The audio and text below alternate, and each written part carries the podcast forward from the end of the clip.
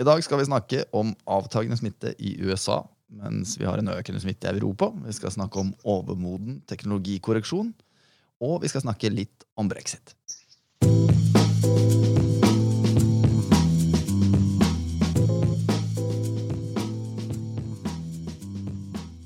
Er du med meg, Christian? Å ja. Det er bra. Du, Hva er det som skjer i USA og Europa nå? På smittefronten så fortsetter eh, både dødsratene og smitteveksten å avta hvis man ser på landet som helhet, selv om det i enkelte delstater er eh, en oppblussing. Eh, derimot så ser vi at antall nye tilfeller i Europa fortsetter å, å øke, selv om det også her er store variasjoner på kontinentet, med eksempelvis høyere vekst i Frankrike eh, og Spania akselererende smittevekst også i Storbritannia. Mens eh, Tyskland og Italia ser eh, ut til å ha i hvert fall relativ kontroll på, på situasjonen. Når det gjelder emerging markets-økonomiene, så fortsetter ting å bli verre i India, som jo er et av verdens mest folkerike land. Eh, men situasjonen i Mexico og tidligere veldig veldig hardt rammede Brasil ser ut til å stabilisere seg, selv om dette er fortsatt på ganske høye nivåer. Så det er, det er liksom ikke noe eh, Man kan på en måte ikke legge koronaviruset i bakspeilet eh, ennå, men det som er en formildende omstendighet, som vi vil også snakke litt om sist, det er at eh, det er stadig yngre andel av befolkningen som blir smittet. Det er færre alvorlige sykdomsforløp relativt til det vi så i, i, mars og april. Og Det betyr også at sykehuskapasiteten ikke er eh, sprengt på samme måte som vi så på, på vårparten. Det er helt nydelig. Det var kort og konsist, Kristian. Vi beveger oss over til markedet.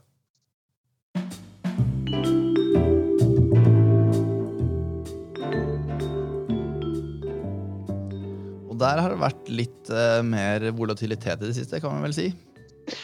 Ja, det har det definitivt vært, men det var kanskje på, på, høy tid. Eh, men det som er interessant å se, det er at volatiliteten og uroligheten først og fremst har rammet eh, teknologiaksjene, og spesielt da de amerikanske.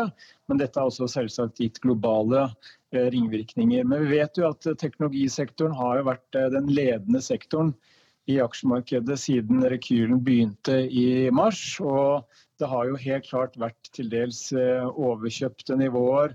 Eh, Altfor høy prising i forhold til realistiske inntjeningsforventninger osv. Så, så det var kanskje greit at man nå fikk en liten pause i kursoppgangen, for eventuelt å kunne få eh, nye investorer inn i det som jo er en sektor som vi fortsatt oppfatter som relativt solid sånn balansemessig og inntjeningsmessig. Og det er jo slik vi ser i hvert fall ingen åpenbar grunn til at teknologisektoren skal ramle sammen på noe vis, fordi den er altfor stor. Eh, og, og, tjener for mye penger og har liksom altfor høye eh, inntjeningsmarginer osv. Og, og egenkapitalavkastning til, til, at dette skal være en, en fluk, sånn som vi så under IT-bobla. Eh, det som også er Eh, positivt, eller formildende i hvert fall, det er jo at selv om teknologiaksjene har fått seg en, en på trynet, så har det vært relativt rolig i, i, resten av eh, finansmarkedene, med unntak av energisektoren, som har blitt påvirket av et, eh, et oljeprisfall. Eh, oljeprisen har jo falt, denne ligger på litt under 40 dollar i øyeblikket for brent olje. Og Det skyldes også en, en flere forhold. Det første er denne vedvarende virussituasjonen som truer eh, forventningene om en, en, normalisering i oljeetterspørselen. Det er det ene. Eh, det andre er at uh, i en situasjon hvor, uh, hvor denne kjøresesongen eller driving season i USA avsluttes nå, så skjer jo det samtidig som OPEC har økt oljeproduksjonen sin, som da bringer mer olje ut i markedet. Eh, og sist, men ikke minst har vi også sett at eh, dollaren har styrket seg noe. og Det betyr jo at olje eh, isolert sett blir dyrere å, kjøpe for de som ikke har dollar som, som hjemmevaluta. Eh, og dette har da tynget energisektoren, som per eh, utgangen av eh, torsdagens handel er ned nesten 5% bare på fem handelsdager.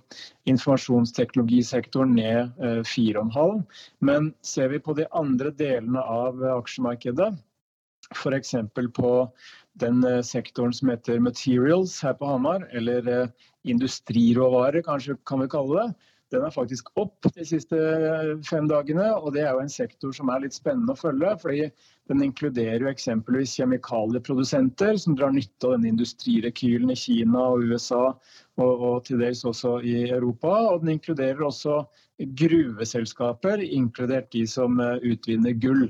Så dette er eh, en sektor som er ganske eh, divers. altså Den inneholder mange forskjellige typer selskaper, men relatert mye da til, eh, til økonomisk utvikling. Det er en syklisk sektor. Du, Vi ser også at industrisektoren har klart seg bra. Den er bare så vidt ned de siste fem dagene. Og vi har også sett at finanssektoren har klart seg bra, med europeiske banker faktisk opp de siste fem dagene. Så det er jo mot normalt. Ja, apropos mot normalt. Jeg dere ser på telefonene telefonen og på historikken til Nasdaq gjennom året i år.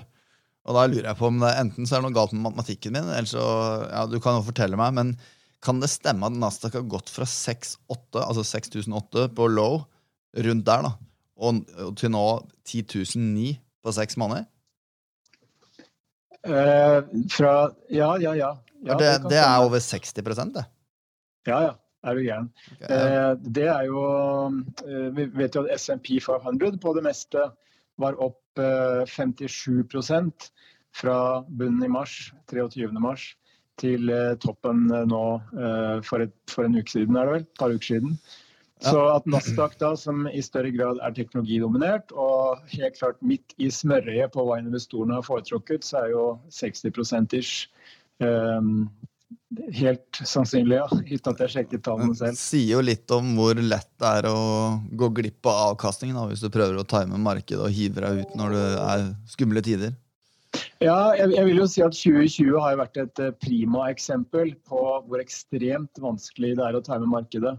For det, første, for det første så kom denne pandemien som, eh, som, lyn fra klar himmel. opp å si, og Det var jo ingen som egentlig kunne vite på forhånd hva det ville bety for finansmarkedene, hva det ville bety for økonomien. Og det var selvsagt ingen som kunne vite at eh, sentralbankene kom til rett og slett å presentere i løpet av dette året her eh, mer enn dobbelt så store kvantitative lettelser pengepolitiske stimulanser som under finanskrisen, og det i løpet av en brøkdel av tiden. Så dette har vært et ekstremt spennende år på mange måter. Vi er jo ikke ferdige ennå. For, for, på, på, ingen måte. Vi har jo et uh, grusomt spennende presidentvalg i USA igjen, bl.a. Um, eh, og Det er noe av det jeg skriver om i min markedskommentar i dag òg. At 2020 det ble det store annerledesåret. Ja, det er jo det jeg tror jeg er en definisjon som er forbeholdt deg på Hamar. Jeg tror de fleste vil si at 2020 kanskje bare var et drittår. Men, eh, men vi får se. Spennende har det jo vært, da. Det har, I hvert fall for oss som opererer i markedet. Men du skal fortelle ja. oss litt om eh, brexit òg?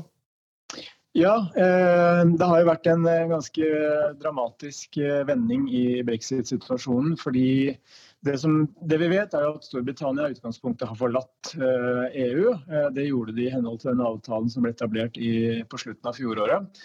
Eh, men det vi også vet er at 2020 skulle markere det året hvor Storbritannia og EU skulle etablere en avtale om en fremtidig relasjon og da var forutsetningene slik at hvis man da ikke lykkes med å etablere den avtalen innen årsskiftet, altså inn mot 2021, så ville man i praksis få en såkalt no deal brexit, eh, hvor Storbritannia vender tilbake til WTO-regler eller Verdens handelsorganisasjon, sånn standardiserte handelsregler, som i prinsippet svekker konkurransekraften ganske betraktelig for mange britiske eksportselskaper. Eh, men det som har skjedd nå, det er jo at britene har bestemt seg for at eh, de kommer til å trekke seg eh, fra det de kaller deler av den avtalen, men i prinsippet er det et brudd på hele avtalen. Eh, Pga.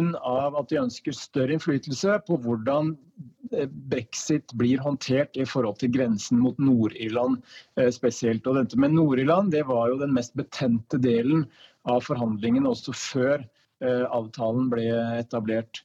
Men dette er jo en, en, en, en, kilde til betydelig usikkerhet. Det øker sannsynligheten for en no deal brexit hvis man skal tro eh, Boris Johnson og hans kompanjonger sin ambisjon om å virkelig kunne fullføre dette her med å trekke seg fra avtalen.